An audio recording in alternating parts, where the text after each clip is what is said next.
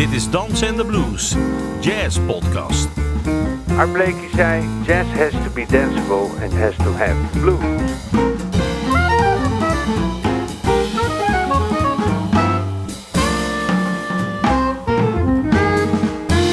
Je luistert naar een aflevering van Dansen en de Blues. Een podcast over jazz met kleurrijke gasten, indringende gesprekken, sterke verhalen en vooral swingende muziek. Mijn naam is Ben van der Dungen en vandaag spreek ik met Dick de Graaf, deel 2. Dick, voordat we verder gaan praten, wilde ik eh, nog even een stukje eh, van je horen. Wat je samen speelt met Barry. Ja, dat, eh, we gaan even weer terug in de tijd. Een stuk wat we graag eh, speelden. Eh, toen we net eh, als duo eh, operationeel waren. Toen Barry in Dongen was komen wonen.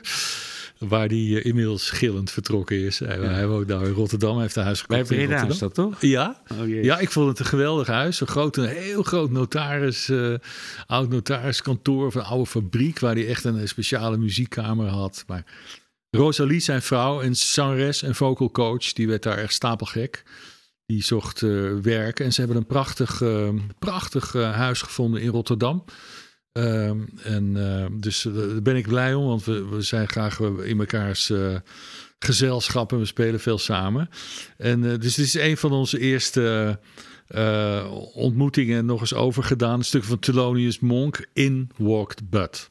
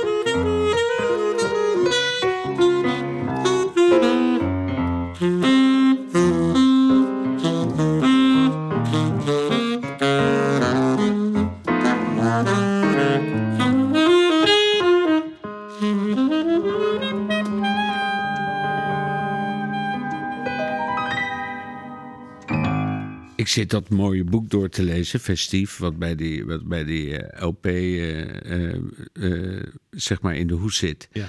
Een heel boekwerk. En ik vind het altijd mooi om te, om te zien waar, waar zo mensen zich zo al zeg maar vertoefd hebben, weet je wel, waar ze, waar Ja. ze gespeeld hebben. Ja. En, en dat vind ik leuk om daar even over te praten.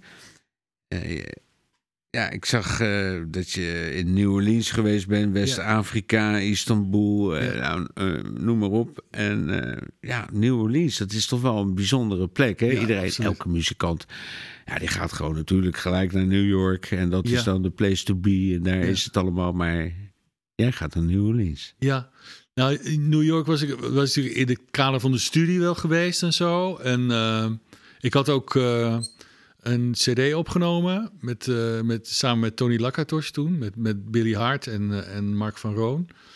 Ehm, en ehm, ja, het is een soort eh, beurs. Eigenlijk, je ziet het beste van het beste en. en nou ja, koop maar in voor je festival of zoiets. Zo'n zo soort, soort gevoel had ik, had ik ook wel. Wel ook dat intense, eh, hè, maar ehm, hè, van gewoon mensen die, maar ja, ook als toerist hoor, gewoon een flink bedrag neertellen om in de, in de snuk, of in de, weet het, eh, in de, in de, hoe heet het, een van die clubs, de, de, de jazz standard. Prachtige muziek te zien en zo. New Orleans was anders. Het was eigenlijk een idee van, van, eh, van eh, Jan Hartong.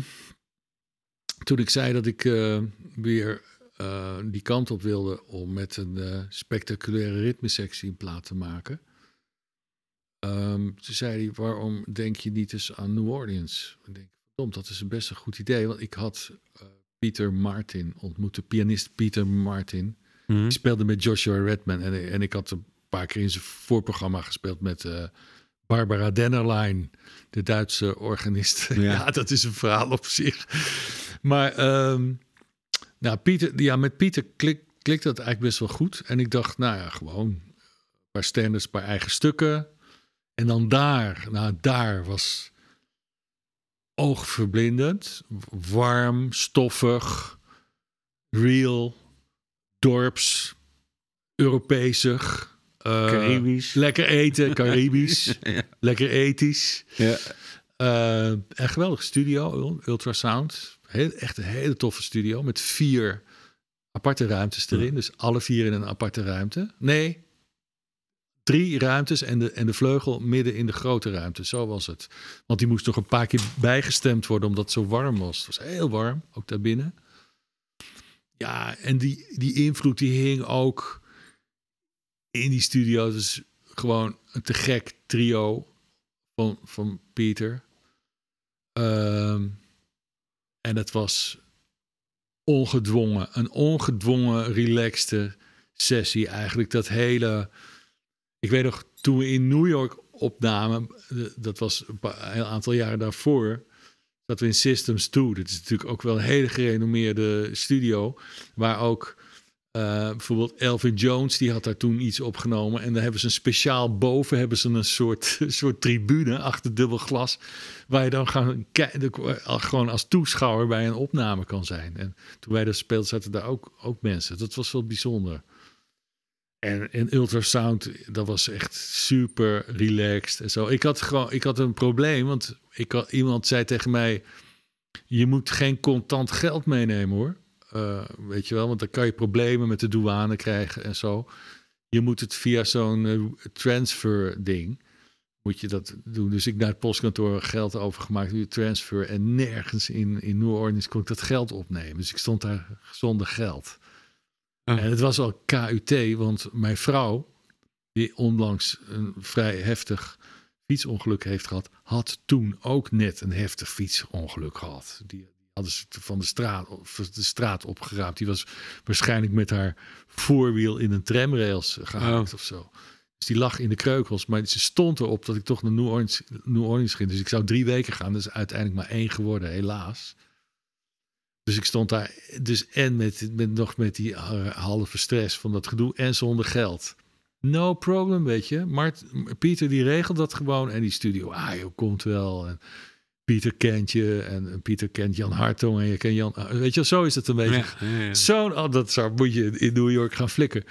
Maar wat er wel is, is gewoon die traditional jazz daar op straat gespeeld. Wow. Wil je zo een studie van maken, weet je wel? Dan wil je zo kunnen op die klarinet of zo.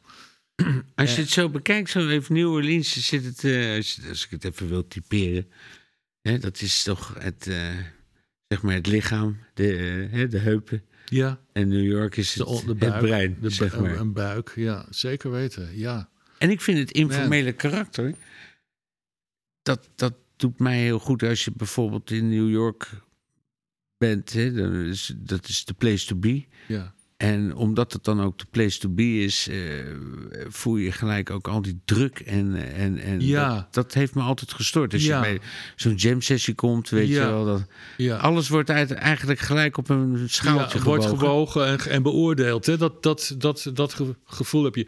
Later heb ik Frank Kalberg leren kennen, de pianist. ehm, die, die ook trouwens eh, een eh, soort artistic coach was bij mijn doctoraatonderzoek. En die, die woont in Brooklyn. En daar ben ik ook wel eens langs geweest. En daar hebben die jongens toch in binnen die, die, die harde schil, eh, die, die hardheid van. Het is een bepaald soort hardheid, weet je wel, stoer. Een beetje Dave Liebman-achtig. Lelijk is ook mooi, want dit is Ja. stoer. Wij zijn geen watje. Maar daarbinnen heb je echt een, eh, echt gewoon ontzettend toffe muzici die gewoon heel goed zijn voor elkaar. Die gewoon elkaar weten te vinden als er ehm, iets gemanifesteerd wordt of als er een, een, een clubje open kan, weet je wel, in een garagebox of weet ik veel Ja, wat.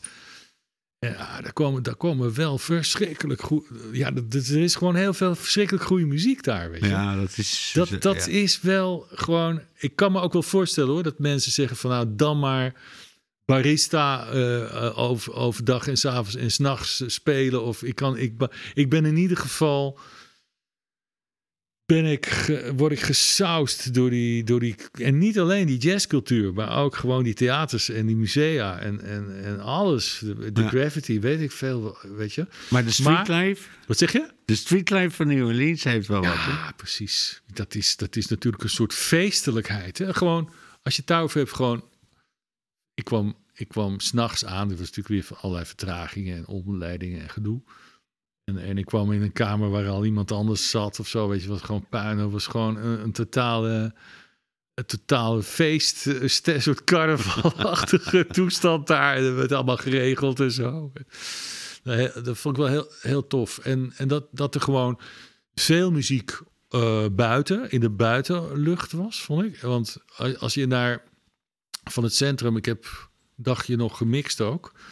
En dan ging ik met, eh, eh, met de auto van het centrum naar eh, Ultrasound. kwam ik door zo'n wijk. Allemaal van die mooie houten huizen met die, met die, met die terrassen ervoor.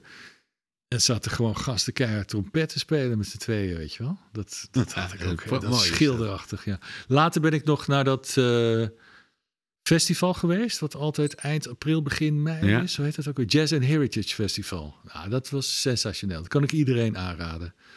Ben je daar geweest? Nee. Nou, dat is een, eh, een renbaan, heel groot. Heel grote ren, paardenrenbaan. Hm? En er staan iets van zes tenten op met verschillende types muziek. Dus eh, gospel, eentje free jazz, eentje bebop, eentje big bands. En buiten, buiten stoorafstand, zeg maar. Het is gewoon één, één gewoon eh, orkaan, gewoon een orgie van geluid daar. Supergoed eten natuurlijk ook. Mensen lopen, lopen grotendeels daar naartoe, de laatste kilometer of zo. Ah, dat is echt een doop in, eh, in, in, in, de, in de muziek vandaar, weet je wel. Dat is Ja, te gek. We gaan even een stukje Nicholas luisteren. Payton toen, weet je wel, was Oh, een ja. gro- grote jongen toen. Ja, Welk stukje had je uitgekozen? Delta Man, hè, dacht ik. ja ik, ik dacht, die, dacht van, goh, dan ga ik met dat soort eh, grote jongens spelen. En eh, wat hebben we eigenlijk gemeen? Wat heb ik nou eigenlijk gemeen met hun, behalve dat je van jazzmuziek houdt waarschijnlijk dezelfde voorbeelden eh, gehoord hebt ooit. Dacht, ja, we zijn, ik bedoel, ik kom ook uit een delta. En ik bedoel, ik ga naar de, de, de, de weet het, Mississippi Delta. Dus we zijn eigenlijk gewoon Delta Men, weet je, een soort arbeiders bij elkaar. Een soort uh, second line New Orleans groove met, uh, ja, een beetje uh, dictograaf contrapunt bedacht. Twee lijnen die, die over elkaar liggen. Leuk, we gaan luisteren. Delta Man.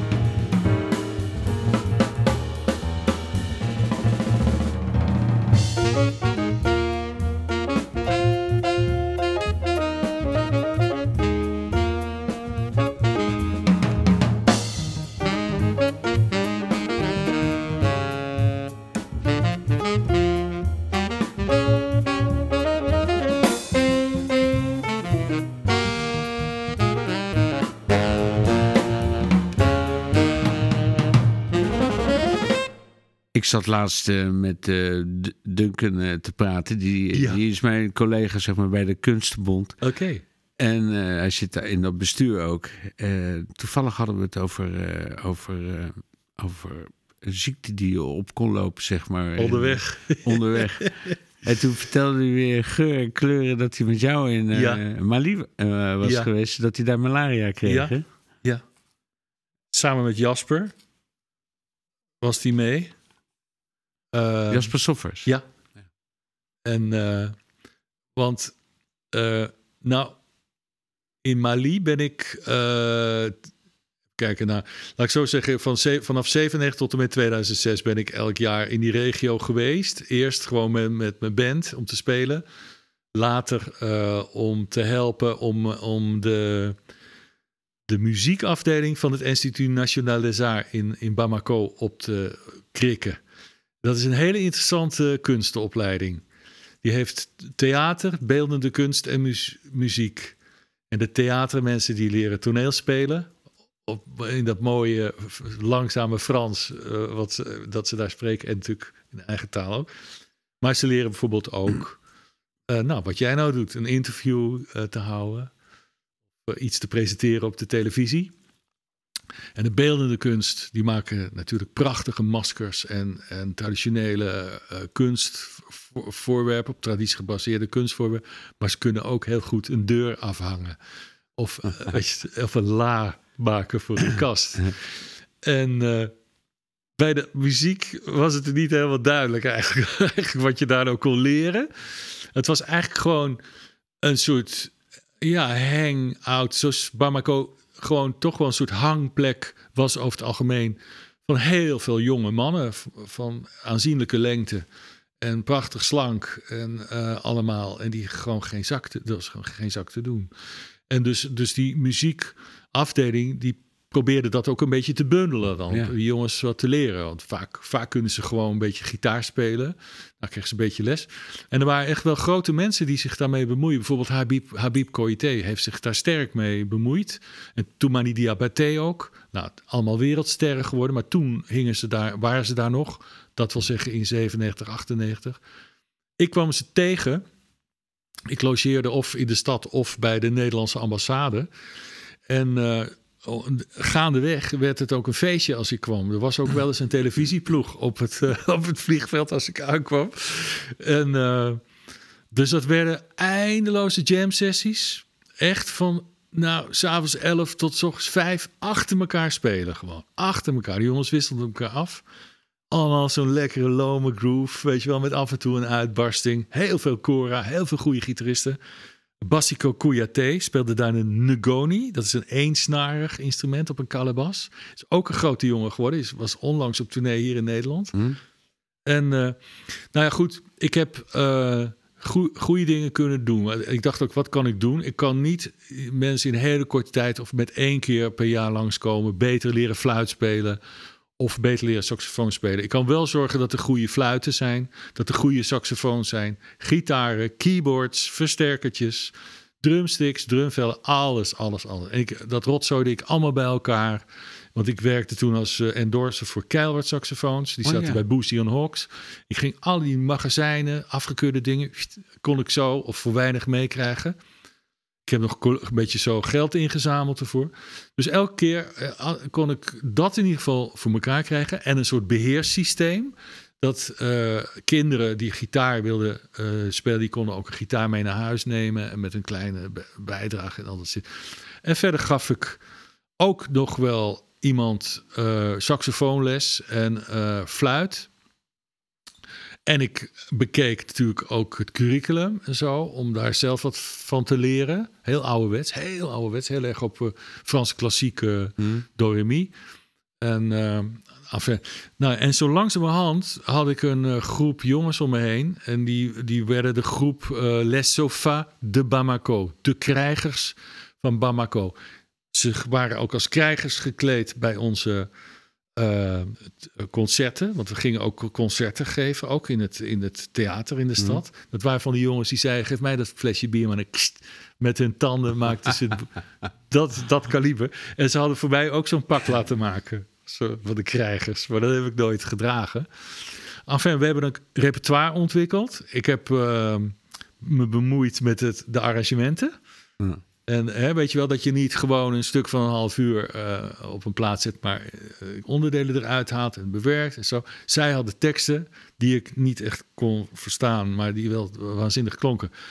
En uiteindelijk zijn we toch de studio ingegaan in Bamako uh, om, om dat op te nemen. Dus we hebben twee dagen en de nacht die daartussen lag besteed uh, aan, het, aan het opnemen van, van zeven of acht tracks of zo voor de CD Jigri die, die hier ook die dan uit, uitgebracht heb. En dat heeft ze geen wintereieren gelegd, want door die CD zijn ze in contact gekomen, ook via Mondial, waar we hem gepro uh, Festival Mondial ja. hebben toen op dat hele grote podium uh, voor een uitzinnige gemeente. Zij met hun pakken aan hebben dat, dat, dat repertoire gespeeld, was echt tof. En toen hebben zij uh, ja, eigenlijk een, een logistiek, een netwerk op kunnen bouwen met die andere groepen die er zaten. En er zaten wat agenten. Dus ze zijn wel gaan toeren in Frankrijk. En, toen, en ze hebben me ook nog een keer uitgenodigd in, uh, om in Ouagadougou nog een keer met ze te spelen. Hebben ze me speciaal ervoor laten komen. Als een soort uh, cadeautje, dankbaarheid, weet je wel. En uh, ja, het was magisch ook om in zo'n studio te werken. Waar jongens echt een sound in gedachten hebben. Gewoon, gewoon ik weet nog dat ik het aan Ab Schaap liet horen uh, toen ik net terugkwam. Want ik was uh, ontzettend opgewonden erover. Die zei, wat heb je nou op je saxofoon zitten? Er zit gewoon effect. Dat, ze zullen die, die, die toeter nooit zo streed opnemen. Er komt gelijk een soort geluidseffect op. En ja, dat past allemaal, allemaal wel bij elkaar. En hoe heet die plaat eigenlijk? De, pra de plaat heet Jigui. En we hebben, we hebben hem... ja, dus ik, ik, herinner me de nacht, of ik zelfs twee nachten zei. Twee dagen, twee nachten, want ik was zoek. En toen is de chauffeur van de Nederlandse ambassade, die moest me gaan zoeken. En uiteindelijk heeft hij ook samen met ons schouder aan schouder in zo'n gangetje...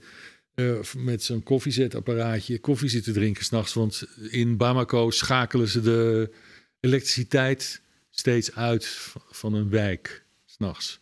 Dus, dus je kan niet doorwerken. En op een gegeven moment dan krijg je digitale tik en dan is het weer afgelopen. Dan gaan eerst de ventilatoren uit en daarna valt het hele systeem stil midden in een opname. Maakt niet uit. Ja, het is toch. Uh, het is het he de plaat heet uh, Jiggy. Jiggy. Uh, dat, dat is de titel. Jiggy. Les Sofa de Bamako. Featuring Graaf. Saxofoon tenor. Oké, okay, mooi.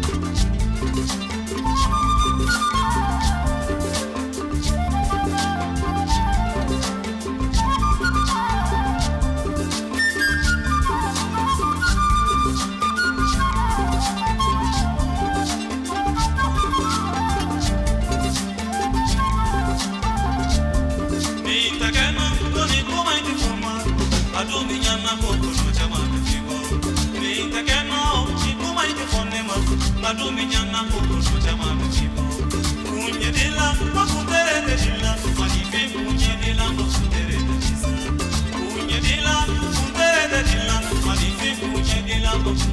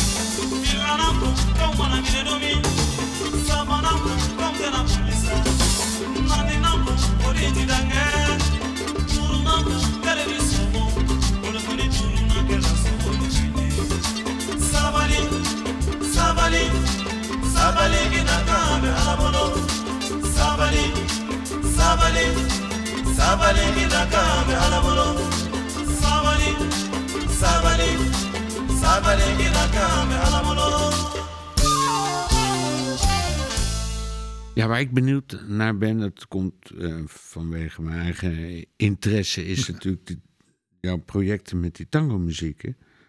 voor mijzelf, eh, eh, ik was helemaal niet zo bekend met die tango-muziek en ik ben eigenlijk ingerold door mijn toenmalige vriendin, Ja, Tanja. ja. Zo ben ik van die muziek gaan houden.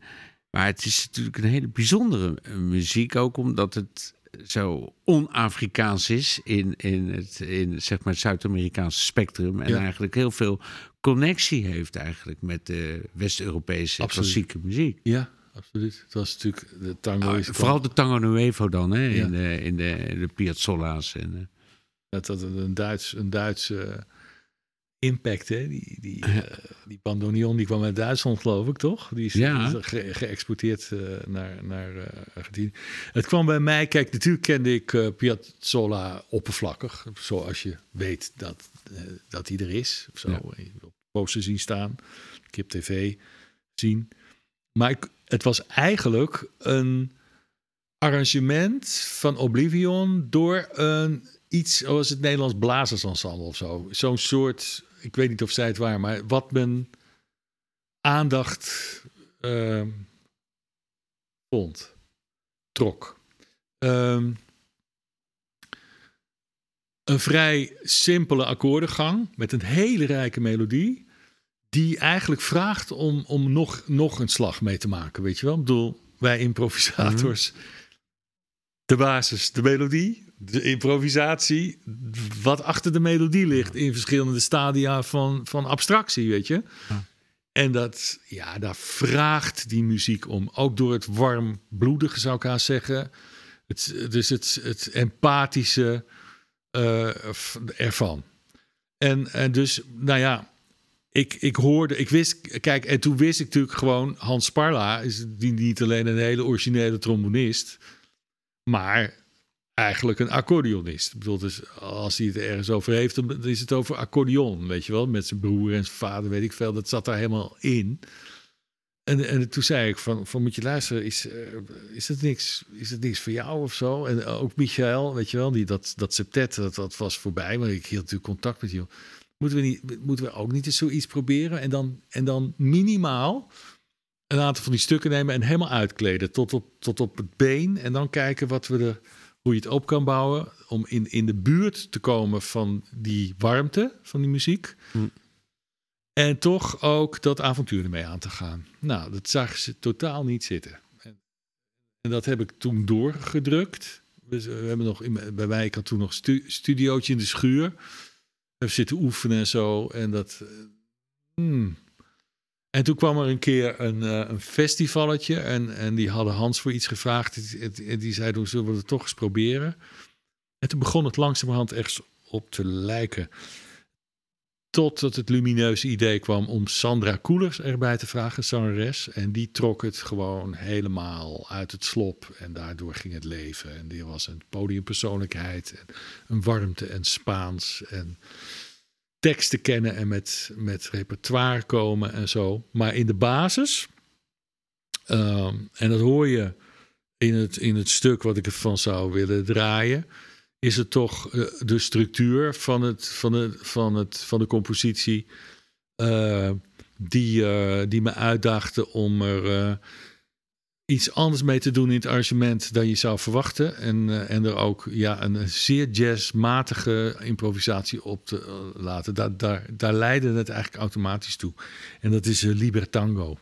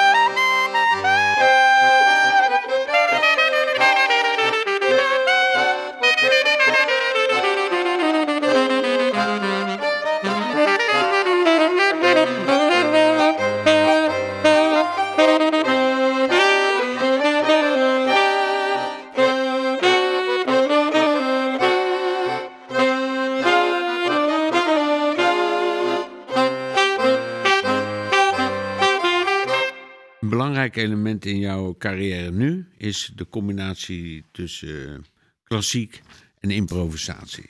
Ja. Ik vroeg me eigenlijk af waar die behoefte vandaan kwam. Komt. Kwam. Ja, dat is, dat is, het is op een natuurlijke manier eh, ontstaan, zoals wel veel eh, dingen.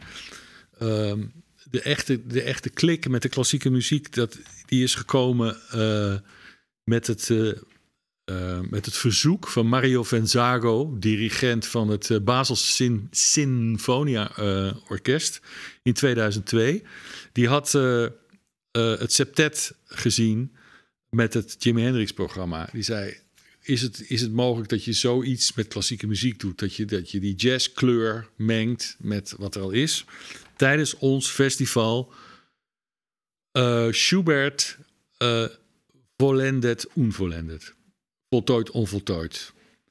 En eh, toen heb ik eh, het, eh, het strijkquintet van Schubert heb ik bewerkt. Een aantal liederen van hem. En het, ehm, een, een, deel of meerdere delen van zijn onvoltooide symfonie. Puur op interesse. Omdat ik het mooi vond. En die quintet, strijk, dat strijkquintet lag bij mij op een stapel naast cd-speler. Dus die draaide ik regelmatig. Daarna nooit meer, maar tot die tijd wel. Wat, wat, en dan ga je dus kijken. En toen ging kijken van, hoe zit het dan qua vorm? En die vormen waren zo grillig en de ehm,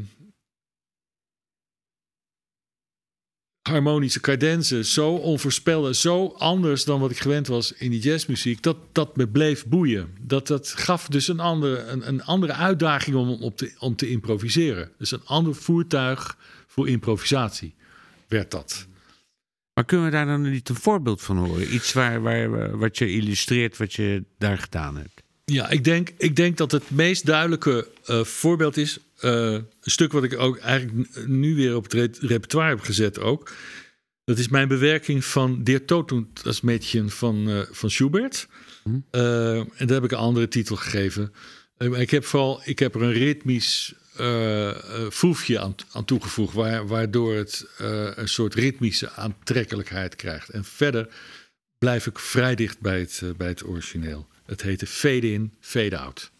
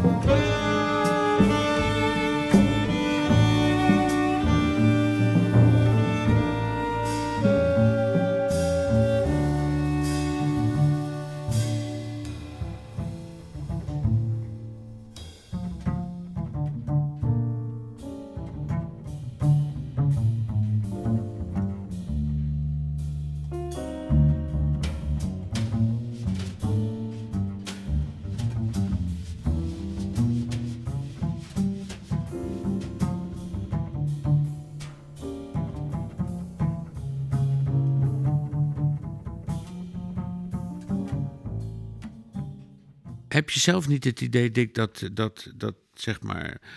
Hè, de, het improviseren en het, eh, het, het, het, eh, van de jazzmuziek en het doorcomponeren van klassieke muziek eigenlijk tegenstrijdige muzikale belangen Ja. eh, heeft. Voor mij nooit. Voor mij is de essentie van jazzmuziek de improvisatie. Bij alles wat ik doe. De celebration of the moment. Het voertuig van de improvisatie moet de kwaliteit hebben van het ideale pro- product van de, van de, van de composing performer. Een soort onaf eh, stuk muziek die de muzici op podium de gelegenheid geeft om dat in een soort informeel gesprek, muzikaal gesprek af te maken. Dat, dat is het resultaat. En dat kan alleen maar door improvisatie en interactie. Ja. En als dat niet zo is, dan, dan hoeft het niet voor mij. Dan, eh, dan, dan doe ik het niet. Oh, duidelijk. Maar goed, je bent natuurlijk wel bezig met totaal verschillende vormen. Klopt. Ja, ook, ook laat, hè, wat ik later heb gedaan in het kader van, dat, van het doctoraatonderzoek, waar ik heel erg met geleide, hè, als experiment met geleide eh, improvisaties bezig was. Stond er natuurlijk een hoop vast, waren een hoop spelregels opeens. Ja. Hè, die, die laten wij dan zogenaamd los. Maar die hebben wij natuurlijk al zo verteerd in die jazz. Hebben, daar hebben ook wel eens mensen tegen mij gezegd, eh, weet je, onderzoeksbegeleiders, van noem je dat nog improvisatie als je al met zoveel eh, bagage vertrekt? Ja, hallo, kijk eens, kijk eens in jouw eigen rugzak wat daar allemaal aan informatie in zit die jij voorgeprogrammeerd hebt. Weet je wel? Dus dat ligt helemaal niet zo ver af van zo'n geleide improvisatie. Al mag, mag het best wat minder. En dat is ter beoordeling van de hooggewaardeerde medemuzici waar je mee speelt. Ja of nee? Me eens of niet? En eh, we zijn allemaal groepsleider. Hè? Ik bedoel, ik ben niet, ik ben niet de baas. We gaan deze podcast eh, afsluiten, Dick. Ik wilde je hartelijk bedanken, maar we gaan een, een nieuwe traditie eh, in ere houden van eh, podcast deel 1. Dat is dat jij een column hebt geschreven en die gaat voorlezen over een avontuur in Magdeburg. Ja, foute plekken heet hij. Leuk, Dick. Bedankt dat je er was. Heel graag gedaan, dankjewel. Thanks for having me. Goede en foute plekken. Het kwam met Dick de Graaf septet goed uit dat in 1989 het ijzeren gordijn was opengegaan. Een paar jaar voordat we voor het eerst in Duitsland op pad gingen. In Oost-Duitsland waren er veel jazzclubs, zoals Die Tonne in Dresden, die onder het mom van cultureel podium in de Ostzeit hadden gediend als ontmoetingsplaats voor de critici van het bewind. Zij hadden belangstelling voor de nieuwkomers uit het hippe Nederland, maar door hun en onze gretigheid kon het wel eens voorkomen dat we ergens moesten spelen waar we niet echt goed tot ons recht kwamen. Zo speelden we najaar 1991 in Ex Libris, een zaaltje onder de bibliotheek van Maagdeburg. Dat het er niet als een jazzclub uitzag, maar meer als een versleten jeugdhonk uit de 60s, mocht de buik niet rimpelen. Het gebeurde immers wel vaker dat een plaatselijke jazzstichting onderdak vond in dat soort multifunctionele, door de stad gefaciliteerde gelegenheden. Maar hier troffen we een groepje opgeschoten en in diep zwart geklede jongeren die elkaar aan het eind van de middag al met biljartballen bekogelden. Ons vage onderbuikgevoel nam nog wat toe toen een afvaardiging van de band wat bleekjes terugkeerde uit het voor ons gereserveerde hotel met kleurrijke beschrijvingen van de deplorabele staat waarin de kamers daar verkeerden. Zoals gewoonlijk hielden we de moeder stevig in. Ons optredens waren altijd de ultieme ontlading van een lange reis samen in een huurbus, die ik ook die ochtend weer voor dag en dauw had opgehaald. En zo ja, zo speelden we ook die avond het dak eraf voor een onverwacht talrijk en goed geluimd publiek. Maar nee, tijdens de nazit van het concert voelden we ons zo bedreigd door de talrijke jeugdige zwarthemden, plotseling van alle hoeken en gaten opduikend, dat we snel de benen namen en linea recta door de nacht terug naar Nederland reden.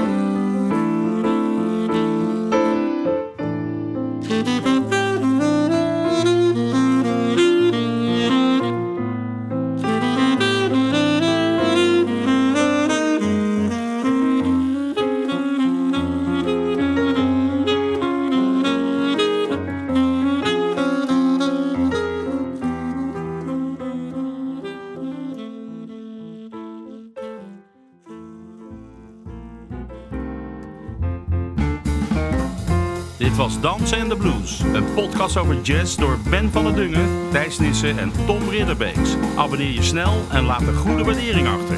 Wil je meer weten? Kijk dan op dansenendeblues.nl en volg ons op Instagram en Facebook. Dankjewel voor het luisteren en tot de volgende keer.